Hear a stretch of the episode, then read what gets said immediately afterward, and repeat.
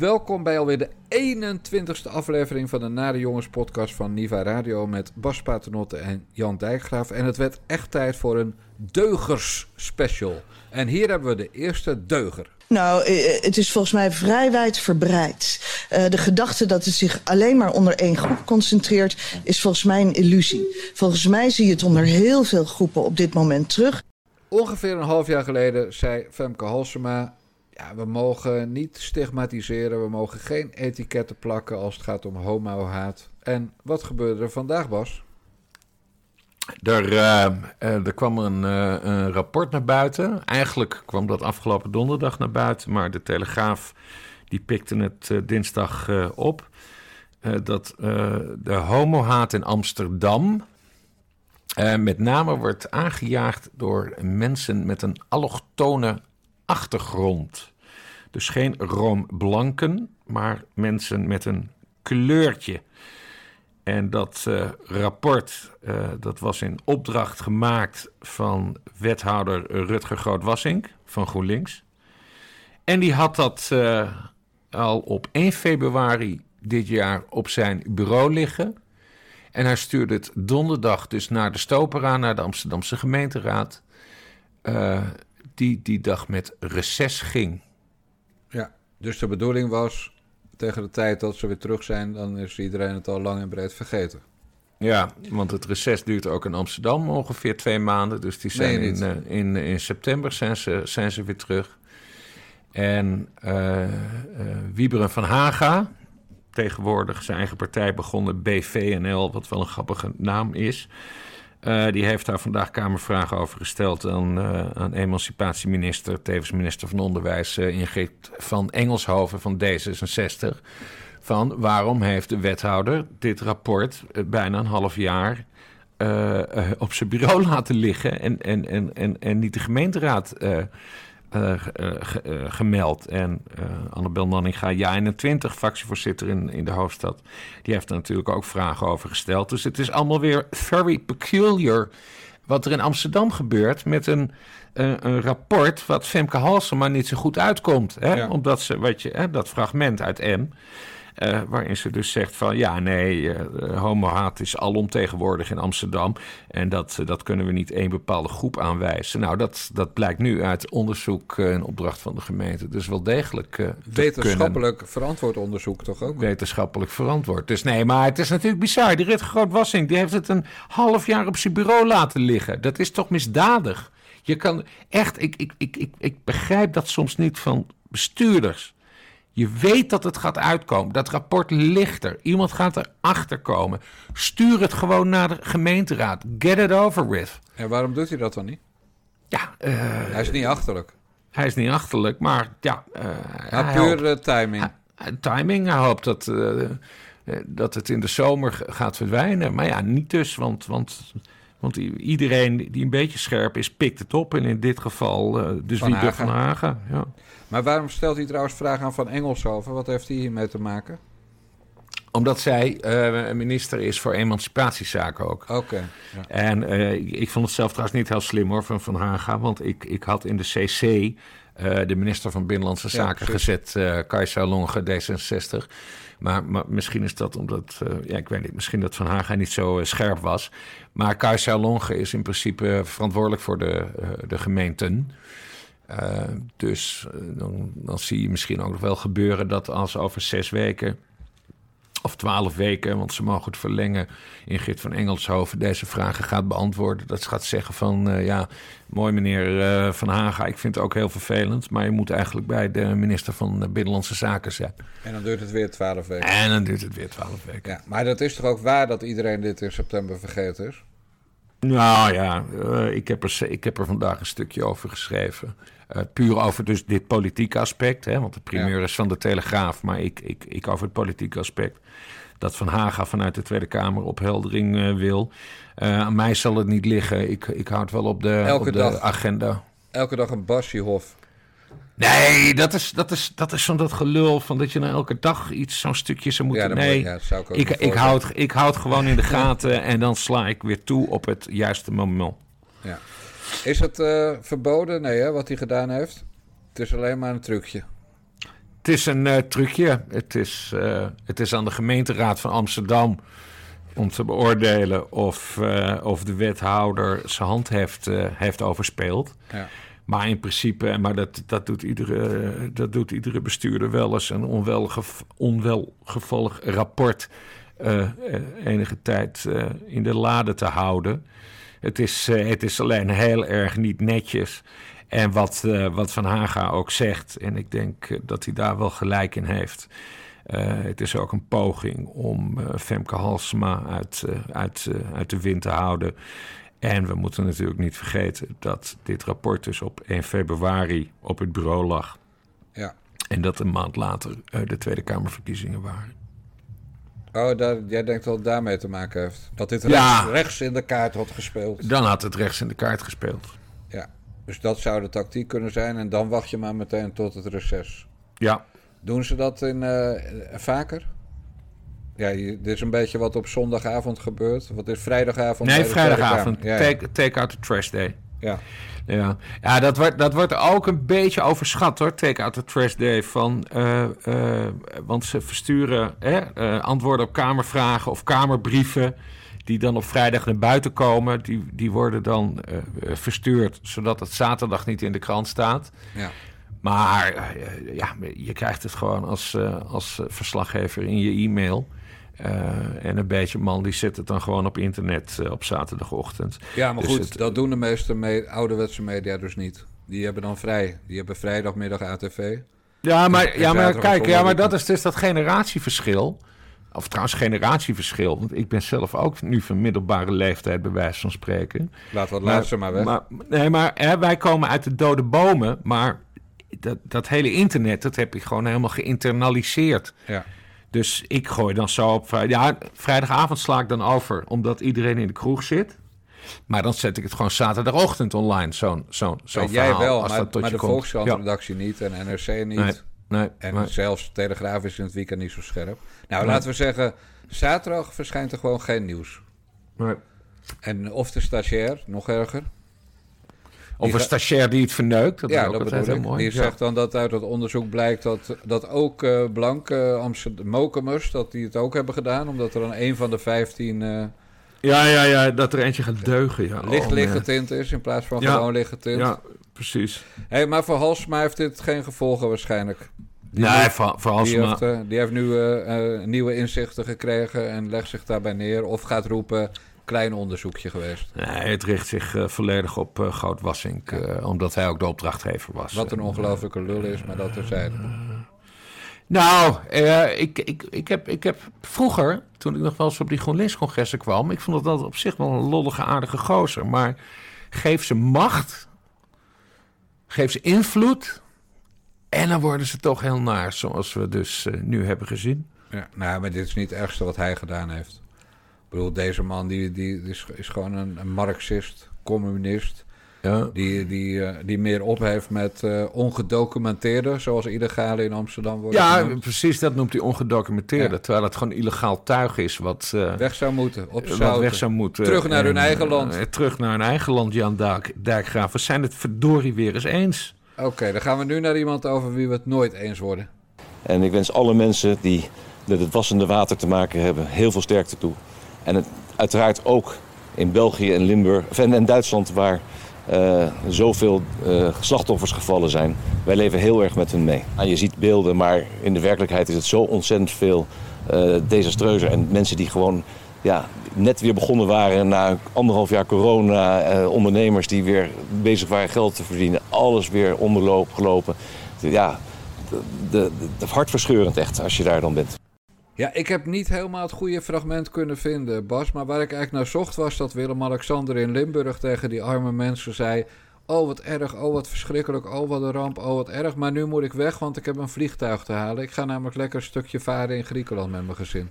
Ja, maar hij had, hij had ook met die, met die mooie uh, speedboot van hem van uh, 2 miljoen euro door Limburg kunnen varen. Met die waaier, ja, dat hij ja. even, even bejaarden van de tweede verdieping af kwam redden. Ja, ja, maar dat heeft hij allemaal niet gedaan. Nee, meneer moest op vakantie. En er zijn weer uiteraard wat mensen boos over, want belastinggeld, want een speedboot van 2 miljoen, want wij kunnen allemaal niet op vakantie, want Corendon en Sunweb en TUI en hoe ze ook allemaal heten, hebben allemaal reizen gecanceld naar de Canarische eilanden. En die bolle gaat gewoon wel op vakantie, terwijl hij toch al geen reet doet het hele jaar. Ja, ik vind dat altijd zo ontzettend kortzichtig.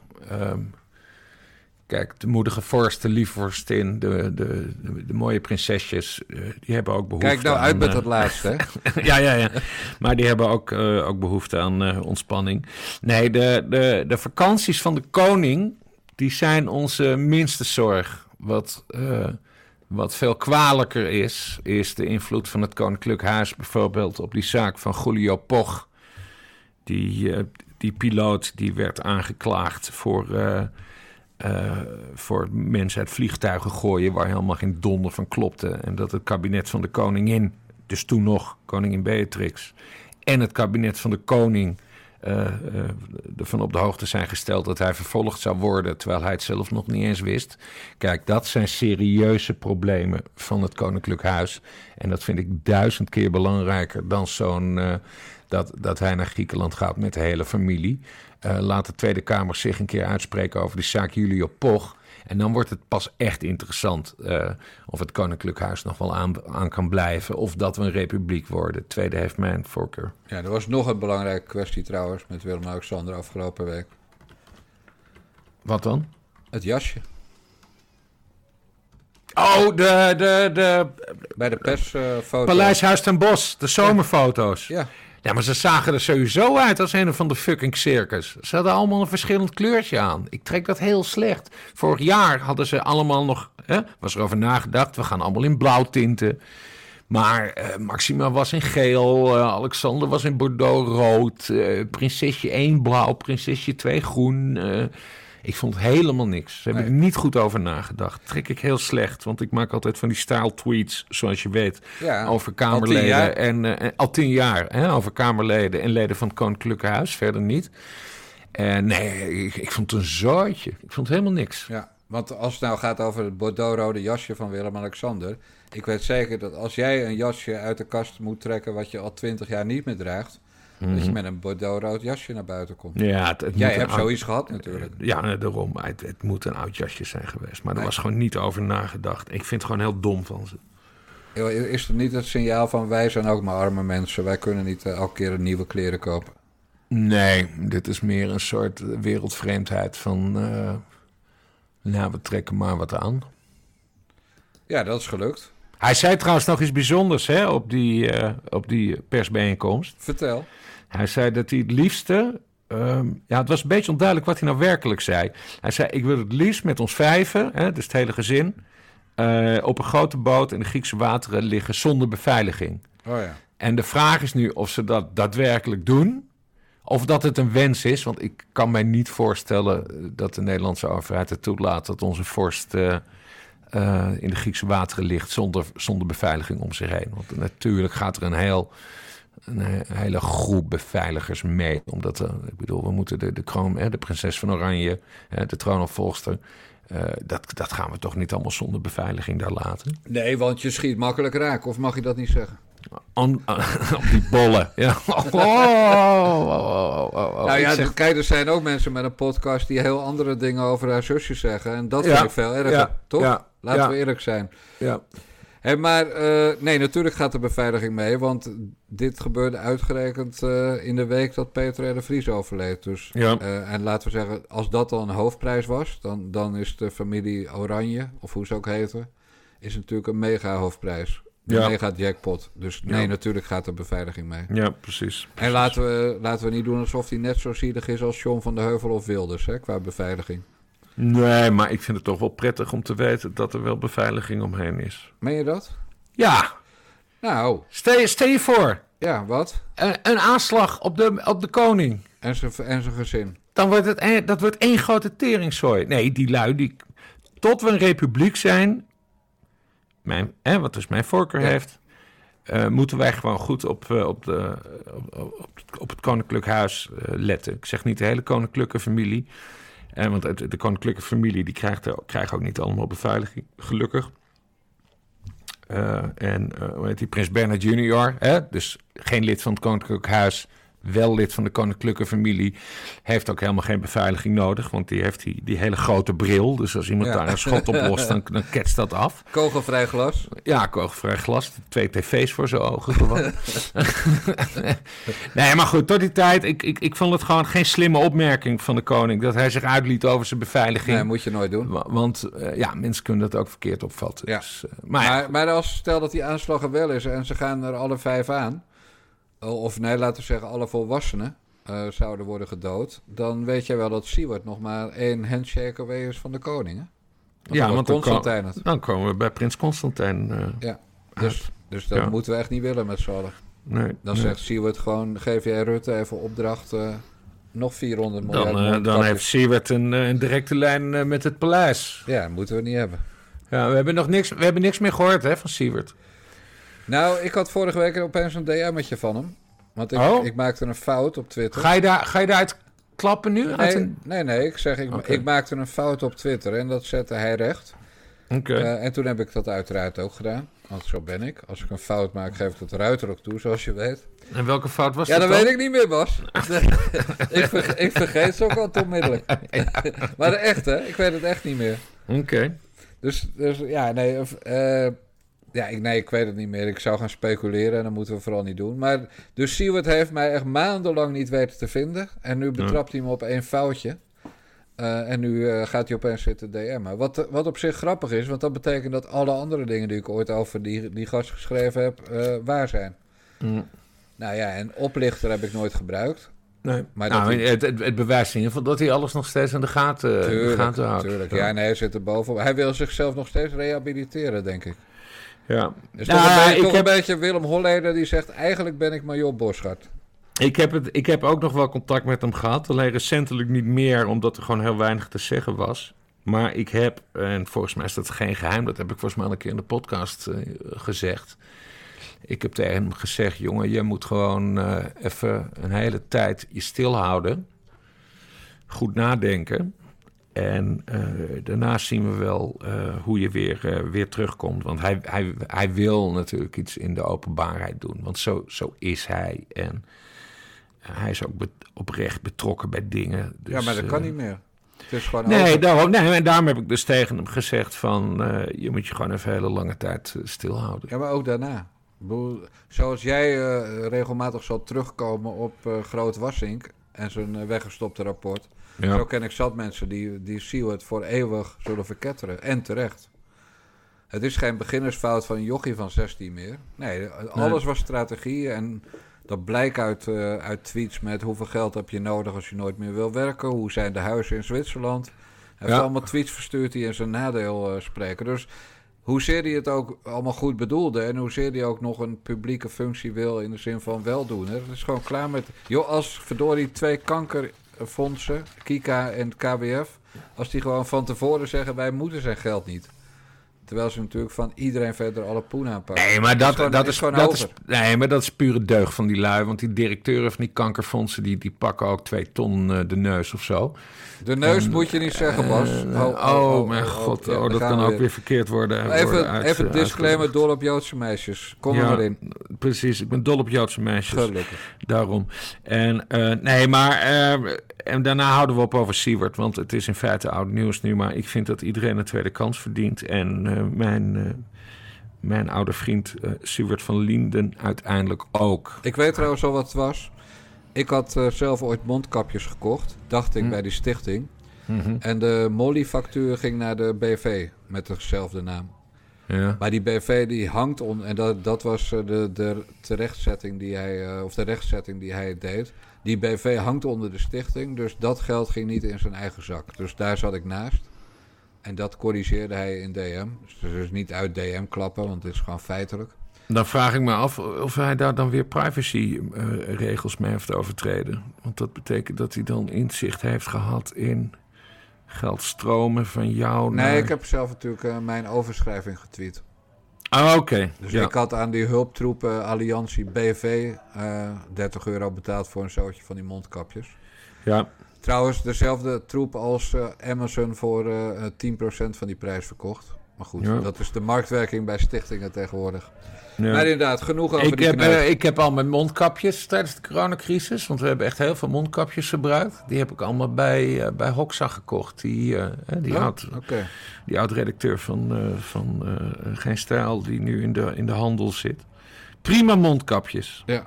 Zwarte. Ik zag, heel, ik zag heel stijlvol uit. Ik tegenstelling jij... tot de koning met zijn, met zijn blauwe mondkapjes. Ja, dat is heel ordinair, hè? Iedereen ja. heeft maar van die blauwe mondkapjes. Als, ja. En alsof mensen uit Indonesië en Indië daar niet heel boos over zouden kunnen worden. Ja, precies, blauwe. Ja, precies. Oh man, we gaan hey, zoveel in We hadden het over de echte krijgen. koning. Dan gaan we Ja. nu even naar de zonnekoning. This transition will affect our daily lives. From the cars we drive, from the houses we live in, from the jobs we will have in the future. I'm confident that we can make it if we do two things. If we set ourselves a sound direction and stand together as a continent in mastering the challenge. Frans fucking Timmermans. 320 kilo arrogantie. 320 kilo nog nooit gewerkt bij een echte baas waar geld moet worden verdiend. 320 kilo Partij van de Arbeid voor arbeiders. 300 kilo auto met chauffeur. 320 kilo kasteeltje in Limburg en in België. 320 kilo 35 tot 40.000 euro per maand inkomsten. En die gaat ons arm maken. Hoeveel, hoeveel verdient hij per maand, zei je? 35.000. Jezus Christus, dat is toch ook... Wat, 35, een Ja. eurocommissaris krijgt 35.000 euro per maand. Ja. Jezus. En eh, nog allerlei emolumenten. En Die, die, laten we zeggen, er gaan meer emolumenten zijn keel in dan zijn kont uitkomen. Dus hij ontploft bijna. Maar hij is echt tonnetje rond, hè? Het is gewoon niet Ja. normaal. Het is een stripfiguur aan het worden. Hij staat echt op ontploffen. En, en dat blauwe vest, dat markeert het al. Dat blauw kleedt af. Dat weten jij en ik ook. Hè? We Ja. dragen ook graag donker, wat dat betreft. Ja, dat, daarmee probeert hij te maskeren. Maar Ja, daar trapt echt helemaal niemand Nee, in. want er hangt echt... Kijk, ik heb ooit van... eh, en dat is wel uit de schoolklap. Ik heb ooit van mijn goede vriendin Janine Hennis gehoord... Mhm. dat Frans Timmermans, ook toen hij dun was... al een ontzettend dikke reet had. Zeg maar, zeg maar de kont van een Surinaamse moeke. Dus zo'n hele dikke reet. Die had hij al... Maar dus kan je nagaan... nu alles zo eh, uitgedijd is... hoe groot die reet nu moet zijn. Ja, hij groeit vanuit zijn reet. Ja. Op een bepaalde manier. Eh, ik weet niet of Frank Hits het meeluistert, maar die heeft ook een beetje zo'n kont. nou, dat, ik zie het DM'tje van Frank Oh, we zijn, we, zijn, we zijn er echt als wijf aan het praten. Nee, want weet je, mijn homofiele kennissen... ik zal geen namen noemen... Ja, eh, we zouden het niet over Chris Alberts hebben. Die, die valt het altijd op dat eh Sherry Baudet eh, ook een hele dikke reet heeft. Die heeft vrouwenheupen. Ja, nou ja dat, maar Timmermans is dus erger, hè? Ja, nee, Dat eh, achteren. dat, dat, dat blijkt, eh, dat, blijkt uit, eh, dat blijkt uit alles. Nee, maar ik, ik zag het ook weer, want hij is dus bezig met zijn Green Deal. En het plan loopt nu tot 2050 inmiddels, hè? Ja, ja. En, en ik zag hem iets zeggen over dat, hoe heet dat, dat, dat bi- bio, biohout, hoe heet het? Biodiversiteit. Oh, dat, Nee, die eh, ver- ja, ja. Die ver- ja, die verbranden. Biomassa. Ja, biomassa, dat zocht ik. En dan heb je goede biomassa en je hebt slechte biomassa. En, eh, en dan probeert hij zich eruit te praten. En dan zegt, hij, eh, dan zegt hij aan het eind bij al die persconferenties van... maar het moet duidelijk zijn dat wij deze maatregelen zullen moeten en gaan uitvoeren. En, en eigenlijk heeft hij verder helemaal geen, eh, geen, inspraak, geen inspraak meer of whatever. Dus nee, die man die is, het is, het is bijna bizar. Die zit helemaal in zijn eigen wereldje samen met zijn kabinetchef eh, Diederik Samson. Ja. En die, eh, ja, ze gaan gewoon door. Ik heb ook helemaal niet het idee dat we hier nog enige vorm van invloed op, eh, op hebben. Ook al eh, eh, moet het Europese parlement zich nog uitspreken over de Green Deal. En daar is er nog maar de vraag of, dat, of deze op die manier Ja, de- zal, zal worden uitgevoerd. Ja. Dus daar gaan ze een beetje aan knopjes draaien en een beetje bijstellen. Maar in grote lijnen zijn we denk ik toch wel gewoon de lul hoor. Maar het Europees Parlement wil juist meer, hè? Nee, ze willen minder. Minder, minder, minder.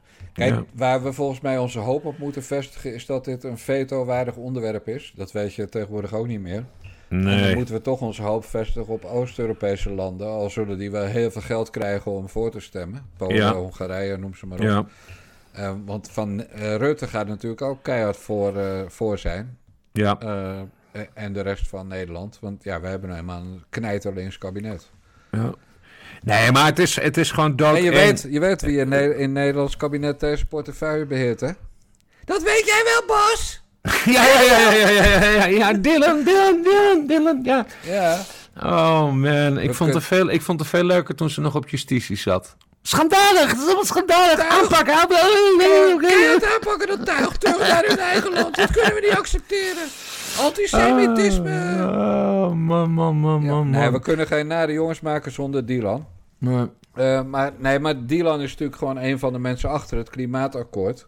Ja, uh, zij moet het, zij moet het nu steunen, ook al is, uh, ook al is ze fucking demissionair. Ja, maar ze was al voor, dus uh, ze heeft geen enkele ja. moeite mee. Nee, nee. Maar het, Samson was natuurlijk nog wel grappig dat hij in een interview op NPO Radio 1, soms zap je wel eens te traag, maar dat hij daar zei, wij kennen Canada als een koud land.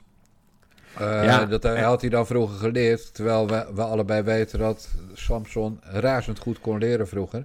Ja. En donders goed weet dat bij een landklimaat het inderdaad winters koud is, maar zomers bloedheet kan worden. Ja, en dat ging ook over. Je had, je had zo'n extreme hitte in Canada, waar het bijna 50 graden werd. Ja.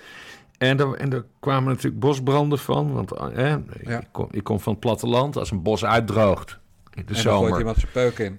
Dan gaat het in de fik. Ja. Maar wat specifiek in de fik ging in Canada, dat was ook gewoon de meest hete plek van de wereld, geloof ik. Dat, dat noemen ze een, een hotspot of zo heet het. Die plek stond er al onbekend van dat het daar heel erg warm wordt. En dan komen we inderdaad op landklimaat, dit en dat en bladibla. En Canada is niet alleen ijsberen en sneeuw en weet ik veel hoe wij ons dat uh, romantisch voorstellen. Maar dat was natuurlijk ook een stukje ecopopulisme van, uh, van, uh, van Samson natuurlijk. Ja, zoals Kaag dat deed en, en ook Jesse Klaver bij de watersnoodramp. En ik maak nu aanhalingstekens gebaren. De watersnoodramp in Limburg. Ja. Werd ook meteen politiek uitgenut. En daar word je toch gewoon helemaal misselijk van. Canada heeft fucking palmbomen. Ja. Er zijn delen van Canada waar de palmbomen groeien. En dan dat Samson, die hoogintelligente autist, dat hij doelbewust de boel manipuleert door leugens te verspreiden, dat vind ik het ergst. Ja, nee, was heel kwalijk. En trouwens over, over uh, Jesse Klaver, dat vond ik ook kwalijk. Uh, hè, want het, die hele wateroverlast is natuurlijk een Europese toestand. Want het water komt uit Duitsland en dat gaat via België en dat bla bla bla bla bla. En Duitsland, echt gewoon 150 doden, misschien al 200 inmiddels. Dat is een serieus probleem, snap ik. Maar dat water kwam dus langzaam naar Limburg toe. En dat je dan die berichten krijgt, uh, trouwens tegenstrijdige berichten. Hè? Meersen, uh, we kunnen u niet meer evacueren. U moet nu omhoog. Ja. Hè? Bericht van de veiligheidsregio op Twitter. En dan een uur later uh, bericht van dezelfde veiligheidsregio. u moet niet omhoog, we kunnen u nog weghalen. Dan denk ik wel van hoe, hoe verneuken jullie deze communicatie op deze manier? Want zo zorg je voor nog meer paniek.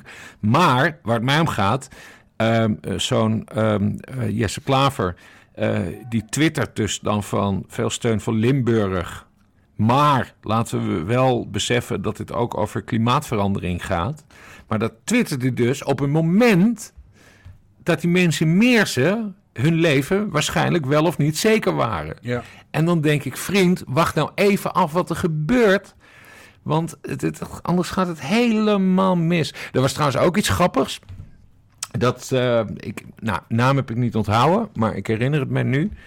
Uh, eerste berichten over wateroverlast in Limburg. Toen heeft uh, de GroenLinks-fractievoorzitter van Amstelveen...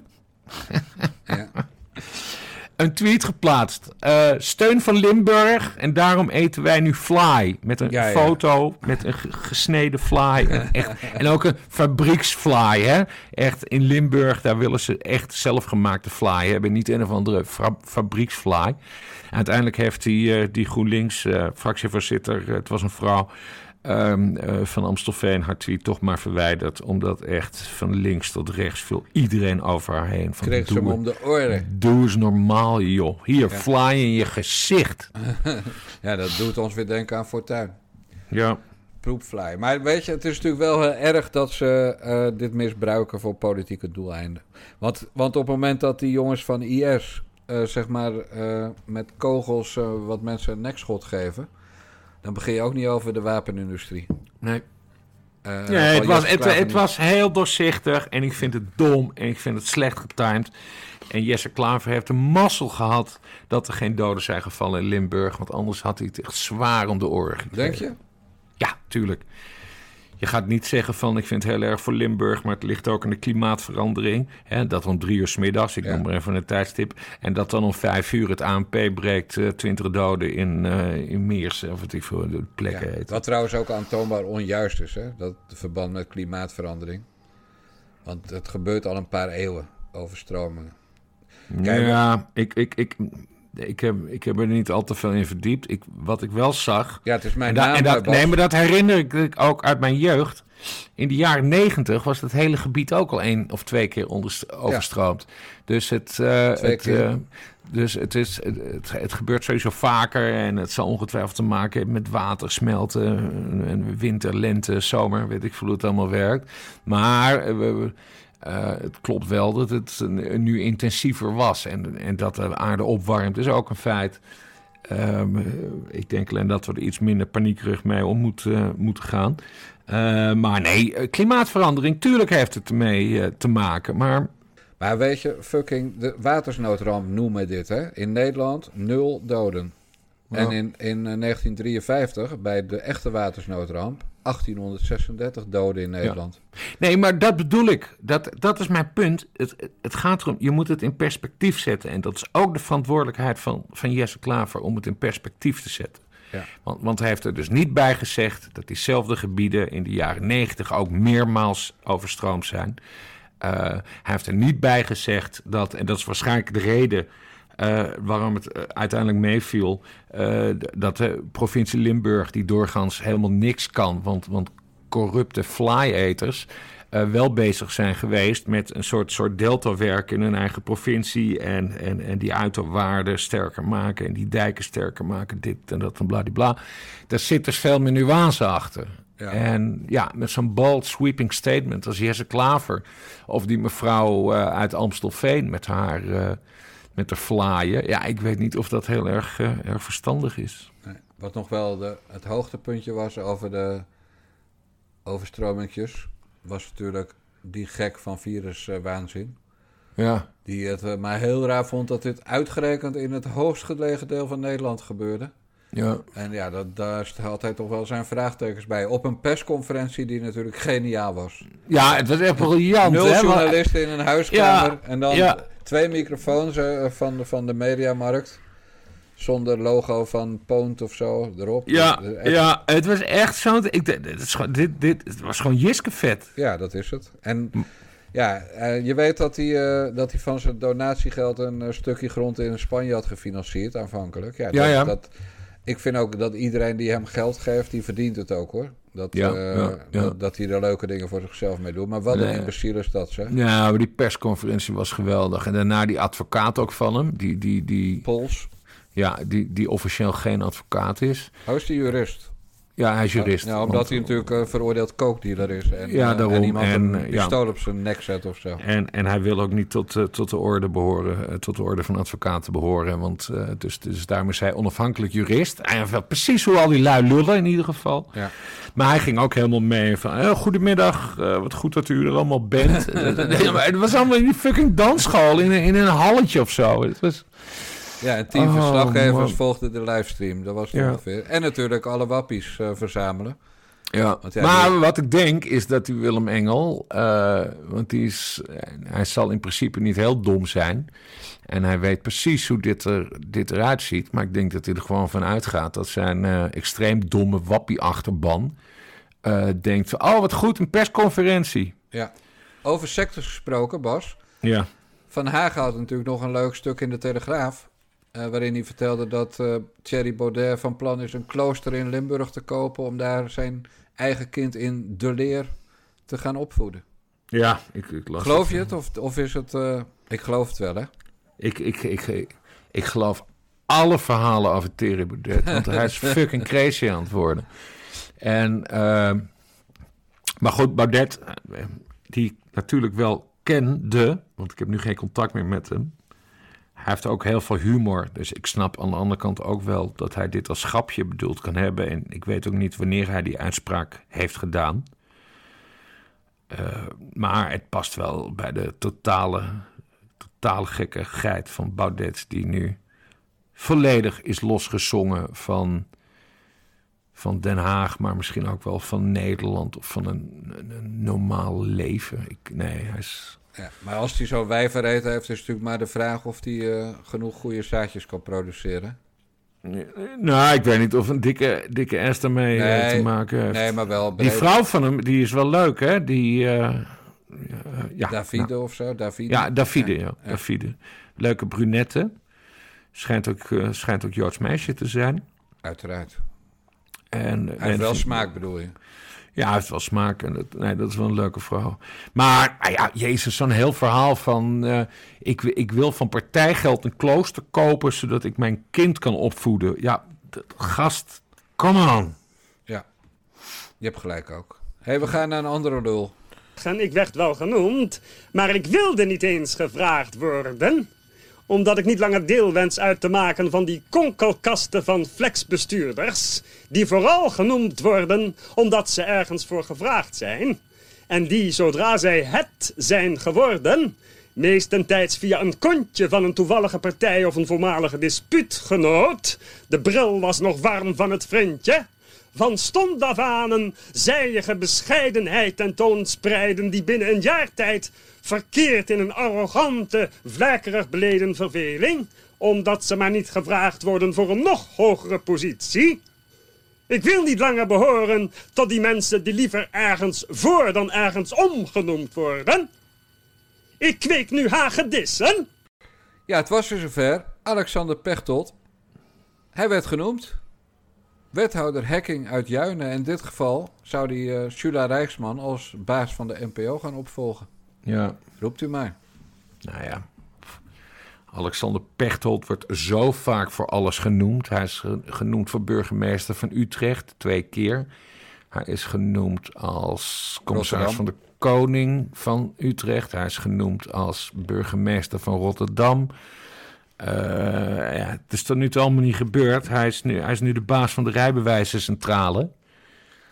Uh, zit, zit de NPO op Alexander Pechtel te wachten. Dan, dan komt dat verhaal hè, over het, uh, het appartement in Scheveningen... Van, wat hij van die diplomaten heeft gekregen. Dan komt het verhaal omhoog van, van die, die mevrouw... hoe heet het? Elf, Elf Vlok of zo, het Meppel. Lok weer boven. Ik, ik geloof helemaal niks van dat Alexander Pechtold uh, voorzitter van de. Want het gaat om het voorzitterschap, ja, hè? Ja, zeker. Ja, de voorzitter, ja, voorzitter van de NPO zou worden. Dat doet alleen maar afbreuk uh, aan de NPO. En dat, en, dat, en dat weet de NPO zelf en dat weet Pechtold ook wel. Dus nee, daar komt helemaal niks van terecht. Gaat ook helemaal niet gebeuren, is mijn voorspelling. Ik denk eerder dat die hele grappige, dat, dat gedrongen mannetje Eppo van Nispen... die nu directeur is van... Beeld en Geluid. Ja, beeld en geluid. Of van de Boekenweek. Ja, daar was hij. Daar was van de Boekenweek. Ja. ja. die Nispen. En dat is een heel grappig, dik mannetje. En hij komt goed over op tv. En ik, zou, ik weet niet of hij, of hij van een partij is, of hij van D66 is. Dat lijkt me een voorwaarde. Het lijkt me eerder dat Nispen voorzitter uh, uh, wordt. Want nou, maar Alexander Pechtold, kom op. Hij is gewoon te omstreden. Dat, ja, maar, dat... maar als je zo redeneert, kan hij dus nooit meer een serieuze baan krijgen. Nou ja, uh, hij is hoofdrijbewijzen. Dat is, dat is ook geen gekke baan. Ik bedoel... En, uh, en uh, NPO-presentator. En NPO-presentator. Hij mocht een programmaatje, programmaatje maken.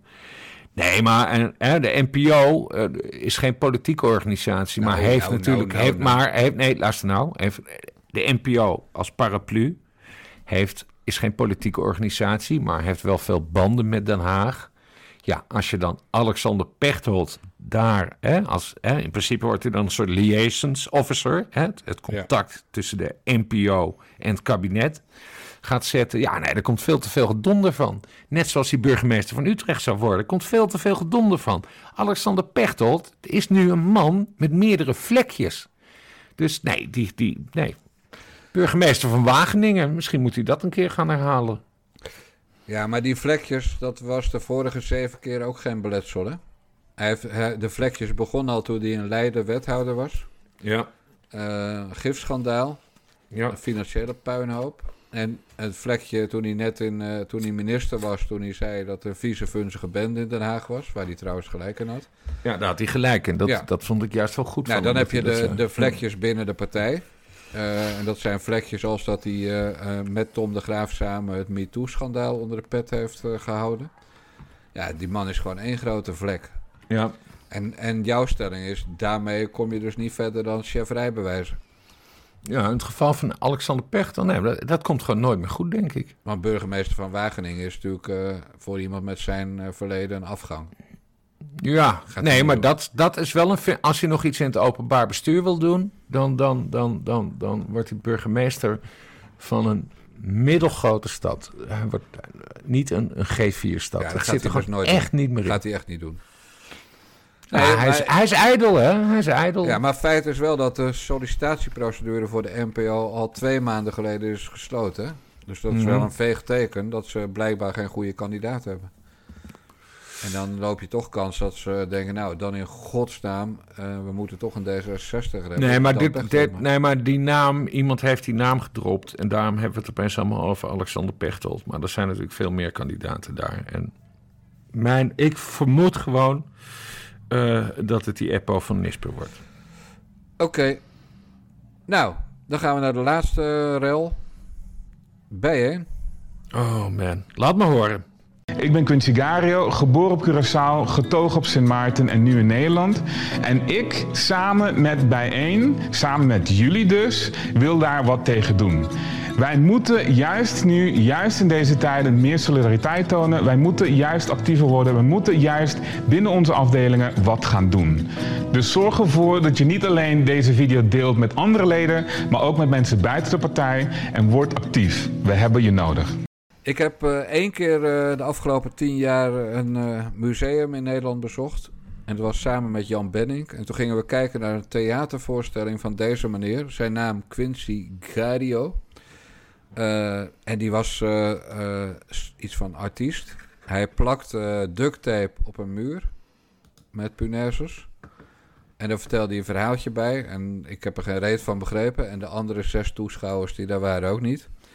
Maar dat was Quincy Gario, die, die toen al een veroordeling achter de rug had, uh, geloof ik, voor geweld tegen de politie of uh, ver, verhinderen. Hij ging er nou van niet weg bij een of andere Zwarte Piet demo. Nee, maar dat is waar hij beroemd mee is geworden. En, ja. en, en, dat is ongeveer de enige sympathie die ik voor hem kan opbrengen. dat was een, dit is echt al honderd jaar geleden, hè? 2009 of zo. Tien jaar geleden in Dort. In, was het in Dordrecht? Ja. Dordrecht, ja. ja. En dat hij eh, daar samen met twee anderen stond met een, uh, met een t-shirt aan, weg met Zwarte Piet of zo. En dat, uh, Zwarte Piet is racisme stond er. Zwarte Piet is racisme. En toen zei de politie, je moet weg. En toen zeiden ze nee. En, en toen zijn ze redelijk hard aangepakt. En op, ik weet alleen dat nog, dat, dat mij voor hem innam dat hij niet wegliep. Want je, als jij gewoon een fucking t-shirt, wat voor bedreiging ben je dan, meneer de politieagent? Uh, dus dat, dat, dat trok ik heel slecht. Later bleek je helemaal knettergek te zijn. Maar dat ene moment in Dordrecht, toen dacht ik, en toen, wist ik ook nog helemaal niet wie het was, maar ik dacht, nou, wat een, wat een sympathieke uh, zwarte jonge man dat hij zo'n zo'n actie onderneemt waar ik niet per definitie achter sta, maar dat hij wel de politie trotseert en uh, gebruik wil maken van de, zijn demonstratierecht. He, dus ook niet als een wappie met stokken rondlopen en de politie aanvallen. Het enige wat hij deed was daar staan met een t-shirt. Hij zich verzetten tegen aanhoudingen. Maar goed, ja. die geef ik hem. Uh, daarna is hij bij Kickout Zwarte Piet de opvolger van, uh, van zijn actiegroepje toen in Dordrecht met die uh, Jerry Afri. Die man die geen drie woorden Nederlands achter elkaar spreekt. Jerry, Jerry Martin Luther King Airfryer. Ja, die, uh, die, die, die geen drie woorden Nederlands achter elkaar spreekt. En dus spoken word artist is geworden. En gedichtjes schrijft. Maar goed, die kikt hem dus uit Kick-Out Zwarte Piet. Omdat hij zei... Quincy Gario heeft t-shirts gejat. En Quincy Gario is knettergek. En Quincy Gario belazert de boel en weet ik het allemaal. Ja. Dat heeft hij toen uh, geaccepteerd. Uh, Hij is niet naar de rechter gegaan om het tegen. Dus daar ging hij mee akkoord. En hij dook opeens weer op op de kandidatenlijst van Bijeen. Ja. En Bijeen heeft hem deze week uh, niet, nog niet gerooieerd. Maar geschrapt als lid, geloof ik. En een heel vaag verhaal over dat mensen zich bij hem onveilig voelden. Wat natuurlijk een hele vage term is. Wat, wat extreemrechtse mensen er natuurlijk toe brengt om te roepen dat hij dan wel weer met zijn kinderarmpje tegen andere meneer of mevrouw heeft lopen. Ja, maar dan zou, het, dan zou het MeToo zijn. En dat is het niet, zeggen en ze in, Nee, want in het geval van MeToo, een helemaal organisatie als uh, Bijeen, uh, dan zou je natuurlijk ook aangifte doen.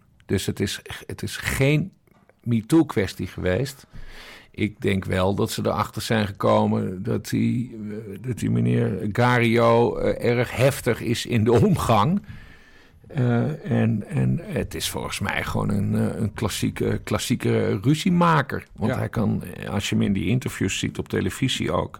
Het is ook iemand die best wel He, want dat zijn natuurlijk allemaal sneeuwvlokjes bij, bijeen. Het is iemand die wel heel dominant aanwezig is. En ik zie hem ook wel aan voor iemand dat, dat hij dan iemand gaat uitschelden of gaat schreeuwen. En, uh, hè, mijn, mijn goede vriendin Tinkerbell, waar we het vaker over hebben gehad. Een hele, hele lieve, lieve kunst, kunstenaresse. Nee, maar uh, daar is hij ook achteraan gegaan. Terwijl hè, Tinkerbell, die, uh, die zit ook helemaal in die progressieve hoek. Maar hij vond uh, dat ze een blanke vrouw was en, en dat ze. Dat klopt. White, white savior complex had. Oh, en, ja. en, en, toen is ze. Nou, toen ging hij haar zwart maken op, op webblogs. Bas, let op je woorden. Let op je en, woorden. Oh ja, nee. Hij, hij ging haar gekleurd maken op. Zie je dat we onze hele taal nu zelfs proberen aan te passen? Nou, proberen niet. Nee, maar uh, uh, hij heeft haar gewoon uh, aangevallen en zij heeft dat als buitengewoon onprettig ervaren. En, en toen is hem, is hem nog een keer tegengekomen op zo'n zo'n jonge mensen popmuziekfestival, weet ik veel, Pinkpop of dat, nou, of, nee, het was dat Lowlands. andere Lowlands. Ja. Waar ze, ja, dat, dat heeft een politieke component. Dan gaan ze allemaal in discussie met elkaar, weet ik veel, bla bla bla. Zo'n BKB En, event. en toen, ja, zo'n zo BKB-event. En toen, heeft, uh, uh, toen bleek uh, Quincy Gario, deed heel aardig tegen haar. Van, oh, sorry, sorry, sorry, zo had ik allemaal niet bedoeld. En toen was het evenemententerrein nog niet af. En toen ging hij weer verder met, met rellen tegen Tinkerbell op, op zijn weblogje. En dat het ja, een vrouw met een white savior complex was dit en dat en bladibladibla. Dus als, met die onveiligheid, daar zal het mee te maken hebben. Het is te grappig om te zien hoe je dan ziet hoe, zo'n bijeen ook direct verscheurt. Ja. Uh, want alle mensen van, van kleur tot kleurgemaakten die lid zijn van B1 en lid zijn van Twitter... Uh, die beginnen allemaal te brullen van het, uh, het partijbestuur is te wit. En, uh, en, en dat advocatenkantoor, wat, wat onderzoek, deed, onder, onderzoek heeft gedaan naar de kwestie, dan, dan, zo, dan zoeken ze dat op. Er zijn er van de kutkantoren Deventer of zo, niemand ooit van gehoord, maar dan, die zetten dan hè, al hun maten, heet dat, in de advocatuur. Uh, op de website en uh, in uh, zeg maar een groepsfoto en dat blijken dan allemaal blanke mensen te zijn en dan, en dan al die, die zwarte twitteraars. Zie je wel, zie je wel, een, een room-blank advocatenkantoor dat achter een kwetsbare zwarte man aangaat en dit en dat en bla, die bla, racisme. Dus nee, die hele club die staat dus nu een beetje op ontploffen. Ja, en zij beweren dus, zeg maar, de mensen die boos zijn over de, het komende royement van Quincy Gario beweren dus dat het de witte mensen in het bestuur zijn die dit allemaal flikken. Witte vrouwen, dacht ik dat ze zelf zeiden. Ja. Maar de voorzitter van uh, uh, bijeen is uh, Jur Jursika Mills. Ja. Nou, dat is gewoon een mevrouw die op zijn minst voor 50% donker bloed heeft. Nou, ze, oogt, ze oogt gekleurd, ja. Ik heb uh, ook die groepsfoto natuurlijk. Vroeger zou je zeggen een lichtgetinte neger. Dus zeg maar, in, op Curaçao zou ze, zou ze niet bij de toppen zitten. Want daar moet je zo zwart mogelijk zijn. Dan hebben we Leonieke Schouwenburg. die die is, heeft rood haar, dus die is absoluut hartstikke wit. Dan hebben we Cheryl Vliet. Die is ondanks de Nederlandse naam ook van kleur. En die zou op Curaçao wat beter scoren dan de voorzitter. Mhm. Dan hebben we Rebecca Timmer, die uh, vroeger van de SP was. Dat, uh, en zeg maar de protégé van Sylvana Simons is. Ik uh, denk dat ze ongeveer net zo wit is als ik. Ja, maar ze heeft, ze, heeft, ze heeft wel Indische achtergrond. Ja, nou, ik, en, ik, en, zei het al voorzichtig. En, nee, maar in die, in die kringen heet een Indische achtergrond bijvoorbeeld. Dus dat je er wit uitziet, maar een Indische achtergrond hebt, dan zeggen ze one drop is enough. Oké. Dus één, één druppel gekleurd bloed is dan voldoende om zelf ook van, van kleur te zijn. Ik vind die Rebecca Timmer trouwens niet onaardig. Ik heb wel eens contact uh, met haar gehad op Twitter. Um, ze komt inderdaad weg bij de SP, is toen naar bijeen gegaan. En natuurlijk hele felle tante, dit en dat en bladibla. Ja. Goede uh, tekstschrijver uh, horen we bij Sylvana. Uh, nee, maar wat ik dan jammer vind, dat die Rebecca Timmer, die dus heel druk aan het Twitter is altijd, tot nu toe nog helemaal niks over de kwestie heeft getweet. Wat misschien ook wel verstandig is als bestuurslid. Maar ja, als je altijd zo'n grote muil hebt, waarom spreek je zelf dan niet uit? Exact. Ja. Nou, dan hebben we nog twee witte trouwens. Ik maak het even af. Manners Boten. Die is van de communicatie en de evenementen. En we hebben Ivanka Anot.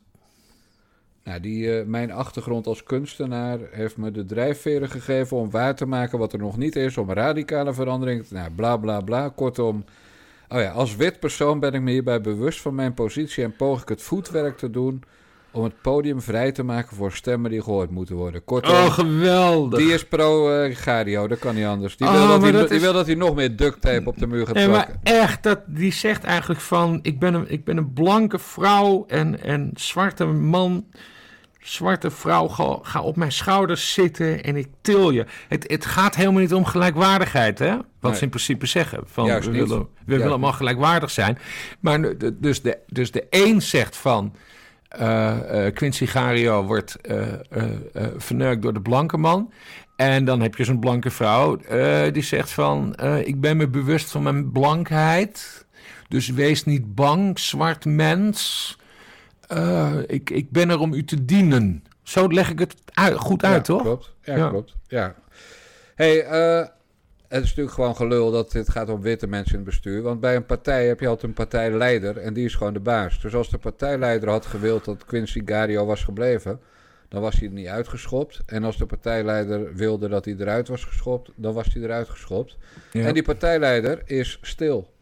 Ja, dat is, het is, ik vond het zo opvallend. Want volgens mij heeft niemand zien aankomen uh, ja, tenzij je daar intern heel goed bekend bent. Maar die primeur, hè, de primeur is van Trouw. Ja. Gario uit de partij gezet. Uh, volgens mij heeft niemand in Den Haag of uh, in de omliggende gebieden dit, dit zien, zien aankomen.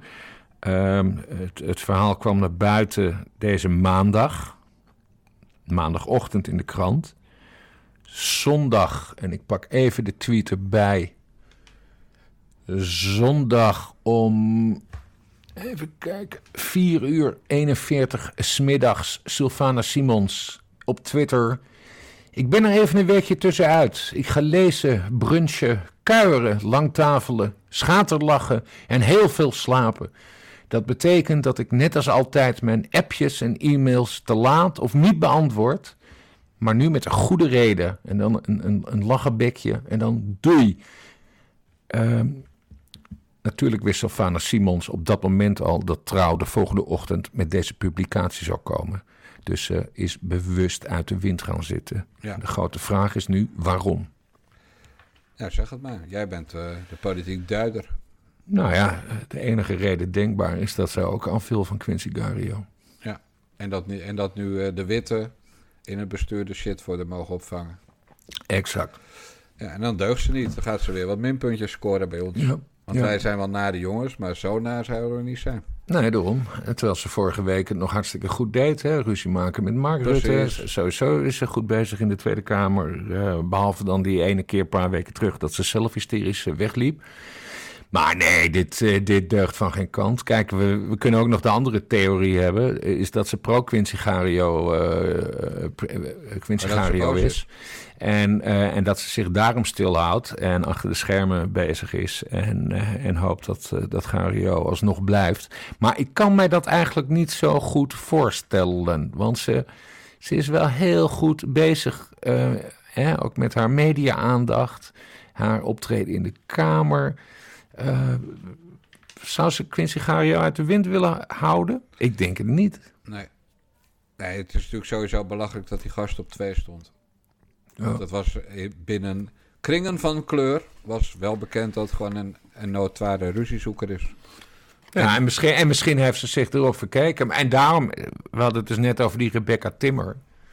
Daarom is het zo jammer dat we die Timmer niet horen en dat we ja. Sofana Simons niet horen. Want zij weten wel hoe het zit en wat de aanloop was en hoe die gozer op de lijst is gekomen. En, uh, ja, uh, ja, Om met Frank Snoeks te spreken. Timmertje, Timmertje, wat ben je aan het doen? Frank Snoeks, dat is die zwemcommentator, toch? en Marianne Timmer, die volleybalster. Ja, oké. Ja, nee, maar goed, Timmer moet dus uit de kast. Rebecca Timmer in dit geval. Nou ja, hey. Sylvana, kijk, en, en dan houden we erover op. Ik, nee, ik heb nog twee nieuwtjes. Nee, ik wil nog één ding zeggen over ja. Sylvana. Ja? Kijk, dit is een echte leiderschapskwestie. Dit is het moment dat je moet laten zien wat je waard bent als leider van een politieke partij. En ze zwijgt nu al 72 uur. Dus? Nou, dat is een, een, een, een, zware conclusie die ik nu bij de luisteraar neer. Ja. Ik ga jou twee nieuwtjes vertellen. Cool. Dat doe ik op de Erik de Vlieger manier. Dus ik vertel maar heel weinig. Oh mijn god, dan gaat het anderhalf uur duren nee, met die nee, kutpodcast nee, van hem. oh man. Een stuk korter. Nieuwtje okay. 1. Nadat ik, uh, je weet dat ik wel eens uh, vervelende briefjes over men, aan mensen schrijf. Ja. Maar het is nog nooit gebeurd dat mijn briefjes ergens tot een DDoS aanval hebben geleid. En gisteren okay. voor het eerst wel. Het briefje was aan Quincy Gario. En de dader is bekend bij uh, Back Me, de organisatie waar het gebeurde. Hmm. En er wordt aangifte gedaan. En de dader, en ik noem geen naam, dus daarom zeg ik, ik doe het op zijn Erik de Vliegers. De dader komt uit de kringen van Bijeen. Is een vrouw uit de kringen van Bijeen. Dat is nieuwtje 1. Dus die hebben ze kunnen identificeren? Ja. En wordt... Nee, want ik zag het op BackMe. Want luisteraars, u, u, ja, kunt, ook, u, ja. u, kunt ook doneren bij BackMe. En ik kijk Bas, dan even... Oh, oh, oh, oh, oh. Nadejongens.backme.org Oké, okay. nee, want ik keek daar dus even op en toen zag ik dat ze. Uh, ja, nu weet ik niet hoe dat heet. Ja, je maar, kon niet inloggen. Ja, je kon in ieder geval niet inloggen. En dan nee. komt er. En, en, want we hebben dat ook wel eens gehad, dat we zijn gedidost. En dan, en dan komt er een soort tussensite voor. En, en, ja. en die wacht dan vijf minuten en die controleert dan. Nee, dat zag ik bij Beck niet. Maar dat was dus een aanval. Ja, en die, uh, die komt dus aantoonbaar uit de kringen van B1. En je kan het aan Ahmed. Ahmed is een zuiger. Je kan het aan Ahmed overlaten dat er ook echt aangifte gedaan wordt. En in dat... een rijtuigje, Juist. in een rijtuigje. de, onder, de onderste steen zal boven komen. Uh, en dat is dus uh, uh, kwalijke zaak, hè, dat iemand van... Maar waarom, waarom noem je de naam niet dan, van de dader? Omdat ik dat pas na veroordeling, de, wat mij betreft, die, die naam op straat moet liggen. Want anders is het smaad of laster. En als ja, ik het okay. niet kan bewijzen, dan zit ik weer, zit ik weer geld over te maken aan advocaten waar ik geen zin in heb. nou, wel vet dat, dat in ieder geval de mogelijke dader geïdentificeerd is. Ja, de vermoedelijke dader is geïdentificeerd. En Ahmed van Bekmi gaat aangifte doen. Dus wordt vervolgd. Maar ja. het tweede nieuwtje is relevanter. Quincy Gario, waarvan wij toch echt denken, die kan niks. Ja, hij kan duct tape op een muur plakken. En hij kan subsidie uh, binnenharken. Maar ik heb uit zeer betrouwbare bron vernomen dat Quincy Gario een baan heeft. Een nieuwe baan. Een echte baan? Een echte baan. Ja, maar zeg maar armen uit de mouwen steken? Nou, ik weet dat niet. Ik ben geen uh, Linda Duits, Leo Lucas of Chris Alberts. Dus mm -hmm. ik weet het niet. Maar Quincy Gario heeft uh, een baan gekregen bij de VU. Jou wel bekend. De Vrije ja. Universiteit in Amsterdam. Als PhD. En die advertentie was uiteraard in het Engels. Uh, maar hij gaat daar dus uh, promoveren. Wat, wat betekent dat. Nou, maar dan moet je even uitleggen. Want nou, hij gaat, ik... gaat promoveren op. op uh, dus hij wordt dokter, is ja. de bedoeling. En, ja. Want hij zou nu een meester, een mastertitel hebben. Ja. Uh, ik geloof in televisiewetenschappen en, en nog wat van die culturele shit, uh, media. nou ja, gewoon niks, weet je wel. Zo'n zo'n lege titel. He, je over mensen die niks kunnen? Dit zegt ik snap, ja, ik snap, ik snap deze grap niet. Nu wil ik ook niet snappen. Krijgt, krijgt de tyfus. Nou, laat dat maar verder. Laat verder maar zitten. En dit was de laatste ja. jongens Nee, oké, maar even serieus. Dus hij gaat aan de slag op Bij de, VU, En dan gaat hij onderzoek doen. En dan gaat hij daarop promoveren. Uh, ja, dat klopt. Gaat hij promotieonderzoek doen? Gaat hij een proefschrift schrijven? Naar roofkunst, zei je dat? Roofkunst. Ja, en, dat, en die kunst is natuurlijk niet geroof van zigeuners... of van, uh, van uh, de familie Paternotte... of van, de, van de, zeg maar, de familie Dijkgraaf. Nee, die is natuurlijk geroof van mensen van kleur. Ja. En daar gaat hij onderzoek naar doen. En daar gaat hij Eerste jaar 2500 eurotjes per maand mee verdienen. Laatste jaar ongeveer 3000. En dus hij heeft een baan voor vier jaar. Uh, en die baan, die, uh, ja, de advertentietekst is niet te lezen. Het is uiteraard in het Engels, hè, want uh, we zijn in Nederlandse universiteiten gewend om Engels te lullen. Maar ja, het is een grappig verhaal. Dus, dus Quincy Gario, als die ooit geroepen wordt tot het Kamerlidmaatschap, bijvoorbeeld omdat Sylvana te veel last van de artritis of artrose of de uh, hukkemukkie krijgt, ja. en dan is hij natuurlijk de eerste opvolger. Maar dan moet hij kiezen tussen maak ik mijn uh, PhD-kandidaatschap af, want zo heet dat officieel, en ga ik promoveren. Of uh, ga ik veel meer geld pakken als Kamerlid, namelijk drie keer zoveel. Ja. Dus dat zou, zou wel een grappige situatie worden. Misschien gaat hij het ook wel combineren. Uh, maar is het waarom. Ik ga er nog. Is dit, nee, maar is dit slecht dat hij dat gaat doen? Waarom zijn we hierop tegen? Of ben jij hierop tegen? Of, of wat, nou, wat, ik, wat ik is was, het nadeel? Ik was nog niet klaar. Ik moet heel veel dingen kan ik op dit moment nog niet zeggen, omdat ik uh, dan mijn bronnen zou verraden. Mm. Uh, die, van wie ik dit allemaal heb. Mm. Hij is ook nog niet begonnen in die baan. Dus het kan mm. ook nog dat de vuur naar aanleiding van de gebeurtenissen bij bijeen zegt... Uh, weet je, we zien er toch maar vanaf. Hè? M mensen hebben een proeftijd. Uh, dus dat zal ook voor meneer Gario uh, tellen. Maar ik weet inderdaad veel meer. En daarom noemde ik het al de vliegenmethode. Je moet het er helaas mee doen. maar, maar dit is het nieuws. Quincy Gario heeft dus een baan. En dat, vind ik, dat vind ik dus goed nieuws, omdat hij dan dus geen uitkering heeft. Ja, precies. Maar wat ook interessant is, en die vraag heb ik op Twitter opgeworpen. Om PhD-kandidaat te zijn, moet je een, uh, een masterstudie hebben afgerond met een diploma. En ik vroeg gisteren, hoe kan ik nagaan of iemand een mastertitel heeft? En terecht een mastertitel voert, want dat is namelijk strafbaar als je hem ten onrechte voert. Mm. Uh, nou, en daarop is het antwoord, dat kan je dus niet. Dus ik kan niet als geïnteresseerde journalist nagaan of jij een mastertitel hebt of Quincy Gario. Ja, en een mastertitel, dat is wat vroeger gewoon het dokter Anders was, toch? Uh, ja. Ja. Ja, dus hij is... Maar de VU zal dat toch wel hebben onderzocht? Die gaan toch niet een uh, nou, dat is de kwestie. Quincy Gario nee, dat, voortrekken? Maar dat is, dat is dus de kwestie. Uh, een werkgever, die kan ook niet nagaan of iemand een mastertitel heeft. Maar een werkgever kan wel aan sollicitanten vragen... kunt u mij een gewaarmerkt uh, bewijs leveren van een, een of ander ministerie. Duo geeft dat uit. Uh, een ja. gewaarmerkt bewijs geven dat, dat je die mastertitel inderdaad hebt. Dus ik vraag mij af of de VU bij alle sollicitanten, hè, want mensen liegen. Ik zeg niet per se dat Gario liegt, maar mensen liegen.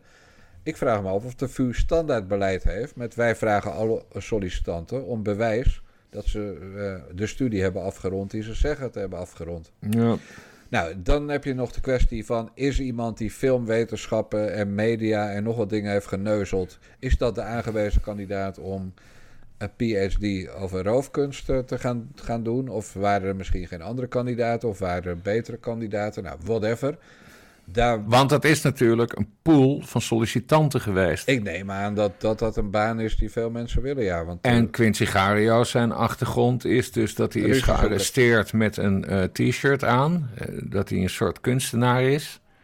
Maar hebben we hem ooit kunnen betrappen op een grote academische kennis over roofkunst?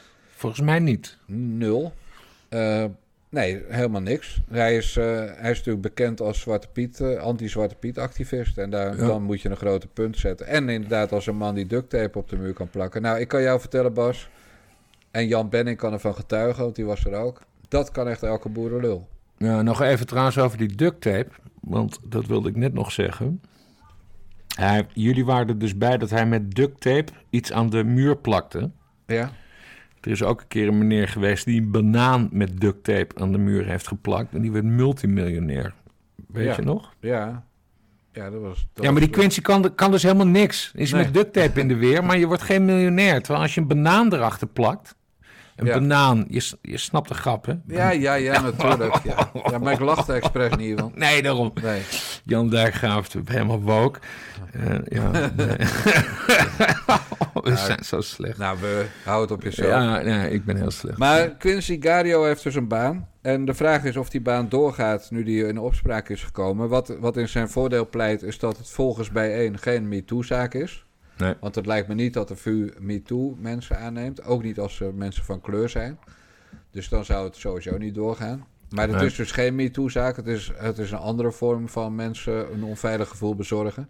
Ja, Ja, eh, misschien dat het in de schoolkrant van de VU binnenkort een keer besproken wordt. Deze ja eh, de grote journalist eh, P. Breedveld. Peter eh, Breedveld zelf. P. P. Breedveld. P, Ja, heet hij Ja. zo? Ja nou, volgens mij zetten ze altijd daar de, de auteursnaam als eh, Als letter. vo- voornaam, initiaal, achternaam voluit. Dus P. echt? Breedveld. Ja, nou ja. P, misschien wil P. Breedveld er eens in duiken. Ja. Want ik kan me niet voorstellen dat hij ervoor is dat mensen bijvoorbeeld... Nee, die Peter Breedveld laat het niet over zijn kant gaan. Dat spreekt vanzelf. Dat is zo'n kritische journalist die eh, dit soort onderwerpen altijd gelijk. Ja, die is nu op het spoor gezet van check of hij een mastertitel heeft. Die is op het spoor gezet van hoe verliep eigenlijk die sollicitatieprocedure. Hoeveel mensen, hoeveel kandidaten, waarom was dit de beste. En die is op het spoor gezet eh, van, ja, eh, misschien wel eh, positieve discriminatie. Weet ik veel. En Ja. Kijk, feit is dat Quincy Gario geen uitkering gaat trekken. En dat vind ik goed nieuws. Daar ben ik eerlijk in. Dat hele onderzoek, dat zal me verder aan mijn reet roesten. We weten nu toch al wat eruit gaat komen. Roofkunst is gestolen, moet terug. En als het niet meer terug kan, herstelbetalingen SVP. Ja, We dachten zelf aan herstelbetaling. 22 miljard. ja, precies. Dat, dat zal ongeveer de uitkomst zijn. En dan, krijgt hij, dan heet hij dus voortaan dokter Quincy Gario. Zoals we ook dokter Linda Duits, dokter Leo Lucas hebben en dokter Chris Piep. eh, wiens naam ik niet meer mag noemen van jou. En, en daarmee is de doktertitel is natuurlijk definitief gedevalueerd tot een, een, een vies stukje wc-papier. Ja, precies. Ik ga nog, nog één ding zeggen over Sylvana Simons en Quincy Gario. Hij is dus de nummer twee. En eh, jij zei dat ze artrose heeft, maar volgens mij heeft ze ook gezegd dat, ze, dat het gewoon echt hardcore reuma is. Want ze draagt ook soms een brace om, ja. om, om haar pols. Nee, maar dat is een serieuze ziekte. Ja, Eh, weet ik. eh, familie van mij heeft ook eh, reuma eh, eh, gehad. Of, of heeft, hoe daar ook, oud-tante van mij die had reuma, die zat in een rolstoel. Het wordt nu allemaal veel beter behandeld. Maar er is een serieuze mogelijkheid dat, stel je voor, dat heet dan een relapse of een, of heet een terugval, dat het een keertje niet goed gaat met Sylvana. Ja, dan is die jongen dus de nummer twee en dan kan hij plaatsnemen in de Tweede Kamer. Ook al ligt hij uit de partij, maakt niet uit. Hij is Ja. de nummer twee. Hij heeft in principe dan zijn eigen mandaat. Ook al is het niet een volledig mandaat, maar dat maakt niet uit. Hij kan gewoon de Tweede Kamer in. En dan heb je opeens Quincy Gario in de Tweede Kamer.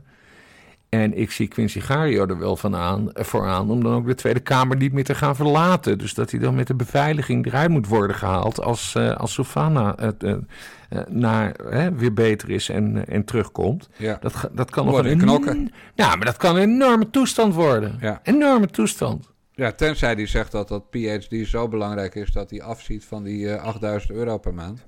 Ja. Dat kan natuurlijk. En dat de nummer drie, en dat geloof ik Rebecca Timmer. En dan zijn we weer terug bij Rebecca Timmer. Ja, dus dan kan de nummer drie eh Sylvana vervangen. En nummer drie schreef toch al haar speeches.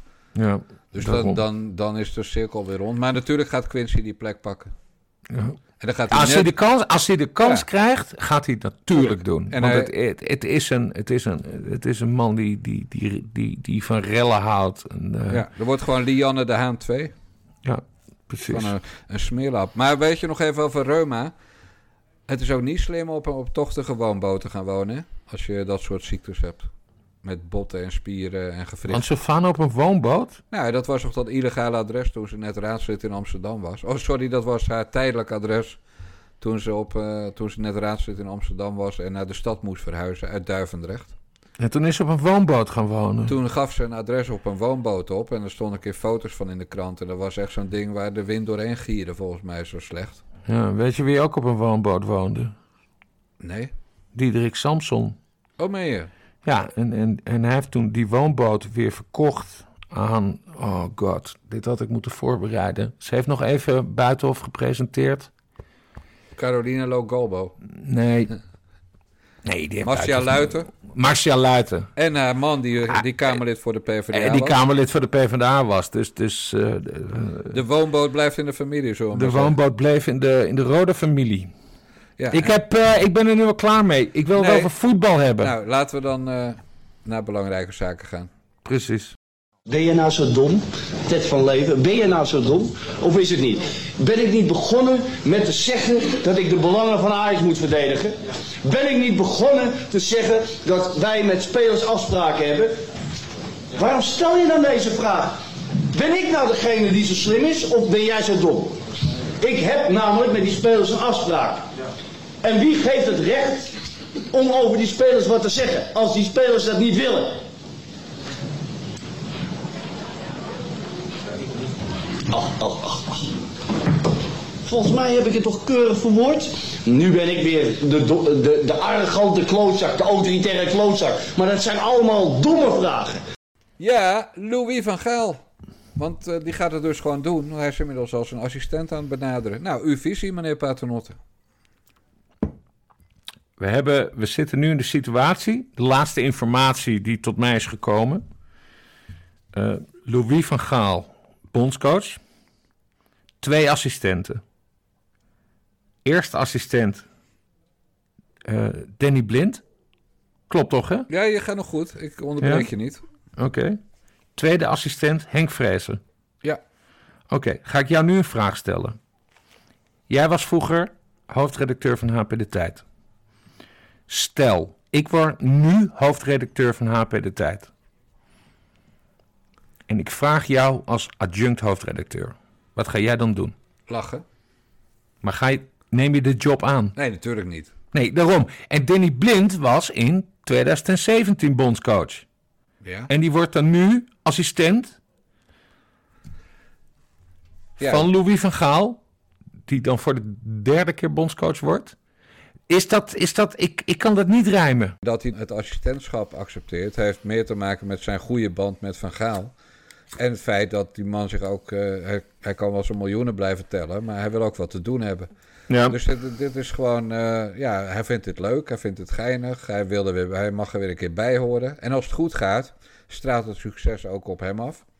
Kijk, dat zou ik allemaal bij jou niet. Uh, dat, dat soort dingen zouden bij mij allemaal niet meespelen als jij hoofdredacteur van HP de Tijd werd. Want boeien, maar ik zit niet zo in elkaar als Danny Blind.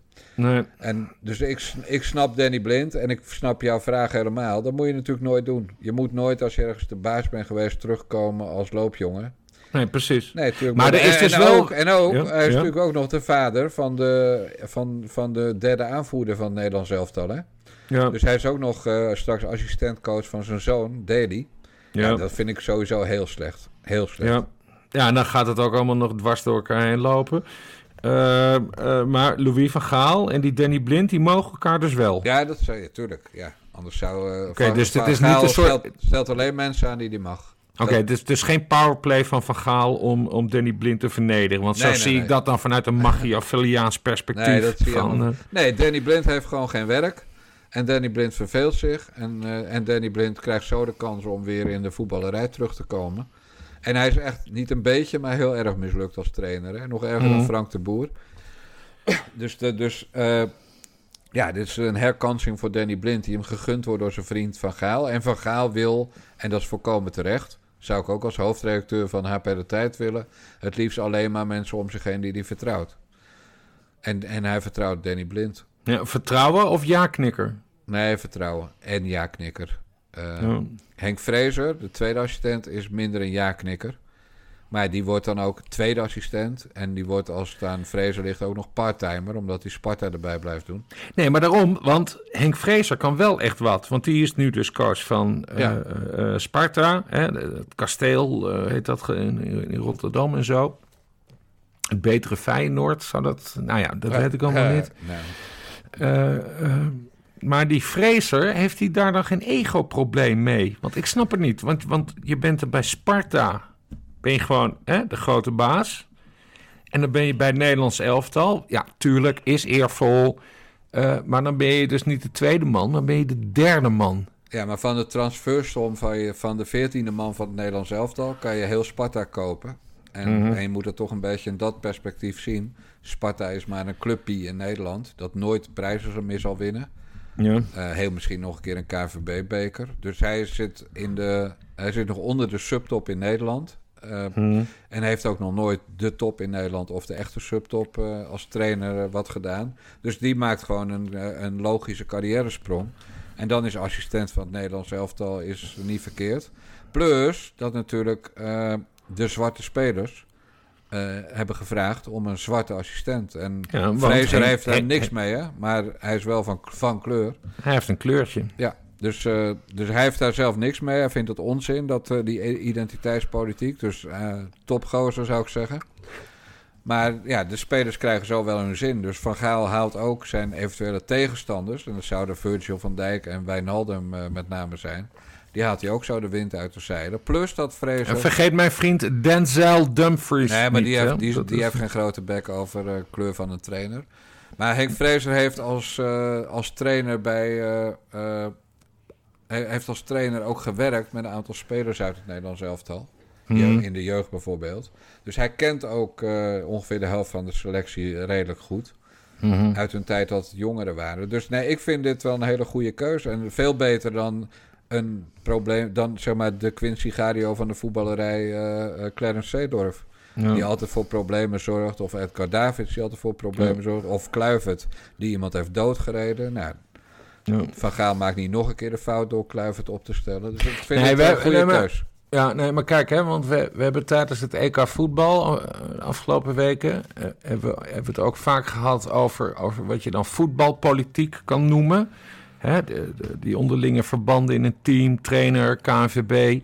Daar zit, daar, hè, dat, dat is ook gewoon politiek. Hè? Het is sport, merendeel, maar het is ook gewoon, gewoon politiek.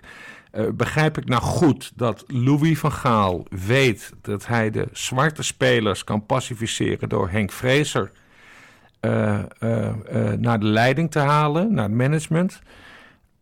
En dat Henk Vrezer weet van, ik zit bij Sparta, maar dit is ook heel goed voor mijn naam. Verder heb ik weinig met die identiteitspolitiek, maar ik ben bereid mij hiervoor in te zetten om Louis van Gaal tevreden te stellen. die jongens tevreden te stellen. En, en dat ik gewoon lekker met het Nederlands elftal kan trainen. Is dat het verhaal? Hij doet het om zijn eigen carrière een boost te geven. Ja. Kijk, als je assistent bent, uh, uh, assistent bij Michels, was bijvoorbeeld ooit advocaat. Uh, dacht ik, nou goed, die ga ik even schrappen, want dat weet ik niet zeker. Dan krijg ik Bob mhm. Dijkgraaf weer, ja. weer in mijn nek. Dit laten we oh, erin hoor. Okay, okay, okay, oh, Dijkgraaf zakt weer door het ijs. Ja, Och, jongens, jongens. Nee, want ik geef nu een slecht voorbeeld. Assistent van, van Rinus Michels bij het EK in 88 was Nol de Ruiter. Uh, en, en die eindigde als 0 de 0. Dat was zijn bijnaam. dus dat was een slecht voorbeeld. Nee, maar, maar Henk Vrezer wordt, uh, wordt alom gezien als ooit een keer de trainer van Feyenoord. En daar hoort hij ook. Oud speler van Feyenoord. Ook de Rotterdamse mentaliteit. Uh, en die is... nou, nu hebben ze oh, maar wacht even. Dat wist ik niet. Henk Vrezer staat dus wel op de lijst voor een positie in, in het, het topclubvoetbal. Ja, alleen tot nu toe lukt het niet. Nee, maar in principe wel van hij zou dus uh, trainer van Feyenoord kunnen worden. Wat Ooit, een belangrijke functie is. Uh, ja, dat wordt steeds minder belangrijk gezien de kwaliteit van die club. Maar op zich ja. uh, klopt dat. Ja, dat is een van de topfuncties in het Nederlandse voetbal. Nou, okay. die komt meer binnen bereik dan wanneer, dan wanneer je alleen maar trainer van Sparta bent.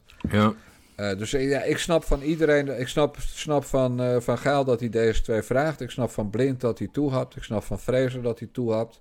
En ik denk ook eerlijk gezegd Kijk, Fraser is, is ook een bikkelharde kerel. Mm. Uh, maar wel met een menselijke kant. Van Gaal kan bikkelhard zijn met een menselijke kant. Mm. Ja, en iemand moet de tassen dragen. En dat is dan Danny Blind. Ja. En dan kan de een wel eerste en de ander tweede assistent heten. Maar geloof mij nou, die zwarte jongens gaan niks van Danny Blind en alles van Henk Fraser aannemen. Ja, dus eigenlijk want zo zijn ze. Dus het is heel slim gespeeld van Louis van Gaal. Absoluut. Ja, en van Vrezen. En van de KNVB. Dat is, want die, hebben die hebben het eerste contact gelegd met Vrezen. En Danny Blind is eigenlijk het sukkeltje van de hele operatie. Ja, Danny Blind heeft als bijnaam Scholletje. Waarom? Uh, Wat is dat? Omdat het een glibberige vis is. Oh. Een glibberig mannetje. En ja. uh, hij is aardig hoor, in de omgang. Heel, heel aardig. Maar ja, een glibber. Ja. Nee, en, en hij volkomen mislukt als bondscoach. En, uh, ja, en, en hij, heeft, hij, hij, heeft wel de gunfactor hoor. Hij heeft natuurlijk bij Ajax als speler heel goed gedaan. Ja, ik heb, je hoort misschien wel, uh, Bas, ik heb niet zoveel met blind. Wat nog een saillant detail is, dat en Van Gaal en uh, Blind en Fraser een Sparta-achtergrond hebben. Dus eigenlijk is Sparta dan, oud-Sparta, aan de macht bij het Nederlands elftal. Dat is op zich wel grappig, want Sparta speelt meestal in de eerste divisie. Dat is wel een hele grappige conclusie, zeg. Ja. Dus dat is de, de, de Sparta-kabel. Ja, de Sparta-kabel. Dus, dus zeg maar, Rotterdam-Noord is aan de macht in een elftal dat voornamelijk bestaat uit Amsterdammers. Ja. Of mensen die bij Ajax hebben gevoetbald. Oh, ik kan niet wachten op het WK. Je hebt er nu al zin in, hè? En je ja, maar ik heb er nu al zin in. En, en, maar dit feitje, ik, puur alleen dit al, want dit weet ik dan echt niet. Dat leer ik van jou. Ja. Dat die drie mannen dus allemaal een Sparta-achtergrond hebben. Ja. Dat is toch geestig? En weet jij uh, wanneer ze de eerste wedstrijd spelen en tegen wie? Dat heb ik je verteld en jouw geheugen... Ja, uh, Oostenrijk, uh, Qatar, 21. nee, ik geen idee. Wat gaan we doen? 1 september, Noorwegen. Noorwegen? Ja. Ah, met die rood-witte pakjes. Uh, weet ik niet. dat weet ik ook niet, dat gok ik gewoon. Weet je wie er trouwens jarig is op 1 september? Uh, nee. Bas Paternotte. Meen je dat? Ja.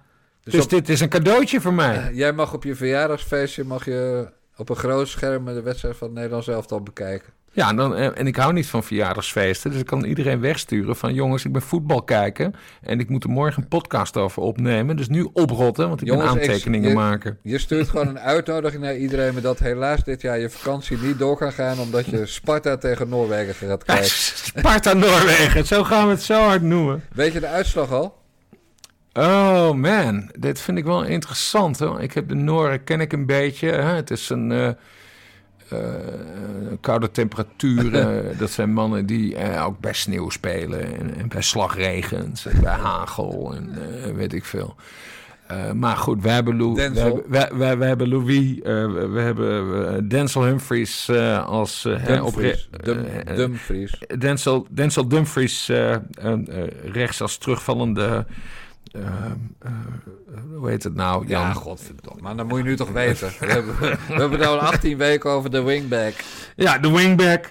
Uh, Henk Vreeser, die dan daar staat te schreeuwen en, en seinen afgeeft. En ik zeg 2-1 voor Nederland. Nou, we noteren hem. Ja. En we gaan natuurlijk gokken erop bij onze sponsor Ledbrooks.